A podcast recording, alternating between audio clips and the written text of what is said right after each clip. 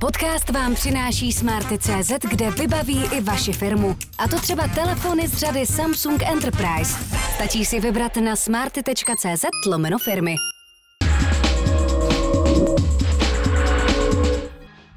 Ministrině práce a sociálních věcí Jana Maláčová. Dobrý večer. Dobrý večer. Děkuji za pozvání. Děsíte se důchodu, paní ministrině? Neděsím se důchodu. Za prvé je to, mě bude 40 za několik málo dní a za prvé je to vzdálená budoucnost z té dnešní perspektivy. A za druhé vím, že důchody jsou tak důležitá věc ve státě, že každý zodpovědný politik bude muset když se to nepodaří nám, udělat důchodovou reformu tak, aby jsme všichni měli důstojné stáří. Protože v té době, já jsem ten generačně, ta generačně, nebo ta silná kohorta generační, tak eh, důchodci budou představovat velkou politickou sílu. To znamená, že pokud se to nepodaří nám, tak to bude muset udělat někdo po nás a, a nemám z toho strach. Vy teď předkládáte důchodovou reformu nebo důchodové předvolební úpravy? Já předkládám spravedlivou důchodovou reformu, ale eh, ta otázka, tak jak ji kladete, tak už je navádějící, protože eh, důchodová reforma eh, v posledních 15 letech znamenala a rovná se privatizace. A jestli se ptáte, jestli předkládám privatizaci důchodů, nepředkládám privatizaci důchodů. Mně jde o to, jestli ty změny jsou jenom kosmetické, nebo to opravdu můžeme vydávat za důchodovou reformu.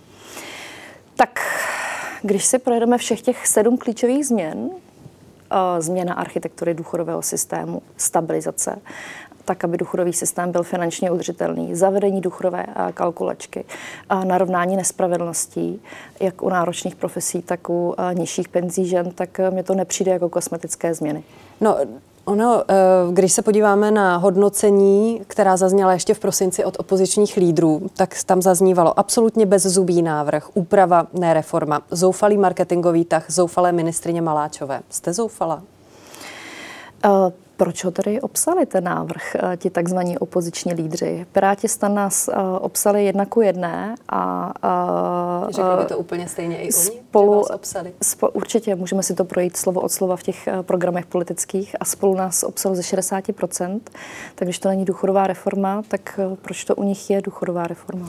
No, Eh, důchodová reforma minimální mzda z 12 500 korun na 18 000 korun, příspěvek důchodcům nad rámec valorizace, to je výčet vašich aktivit v posledních týdnech. Není to opravdu jenom zoufalá snaha teď se zviditelnit ještě před volbami?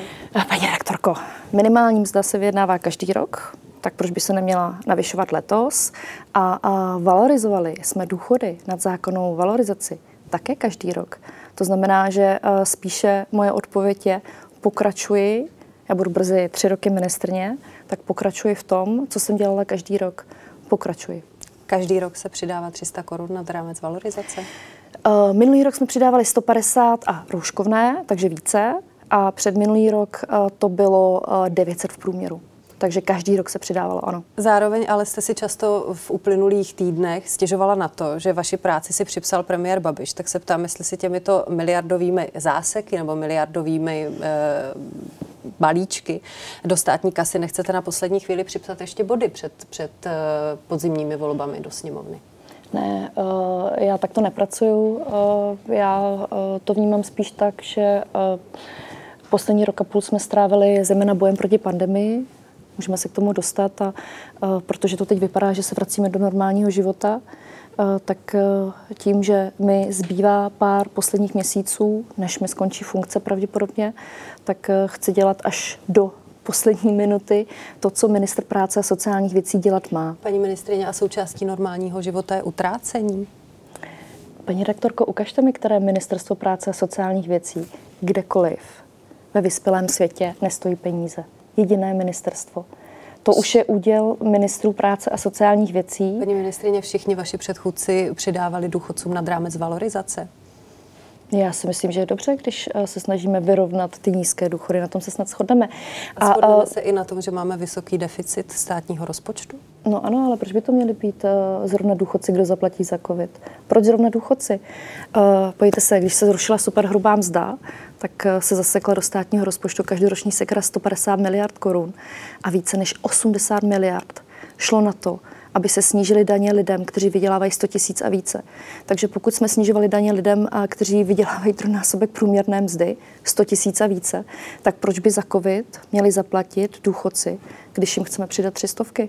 Uh, vidíte? A kde tady v téhle škále máte potom lidi, kteří přišli o svoje podnikání, o svoje aktivity, nemůžou na ně navázat, protože COVID připravil o všechno. To je fér?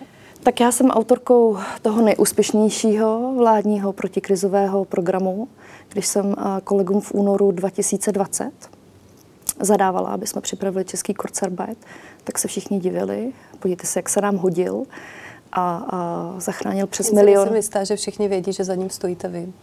No ale to je jiná věc. To přece nemění nic na tom, že chci dělat svoji práci správně.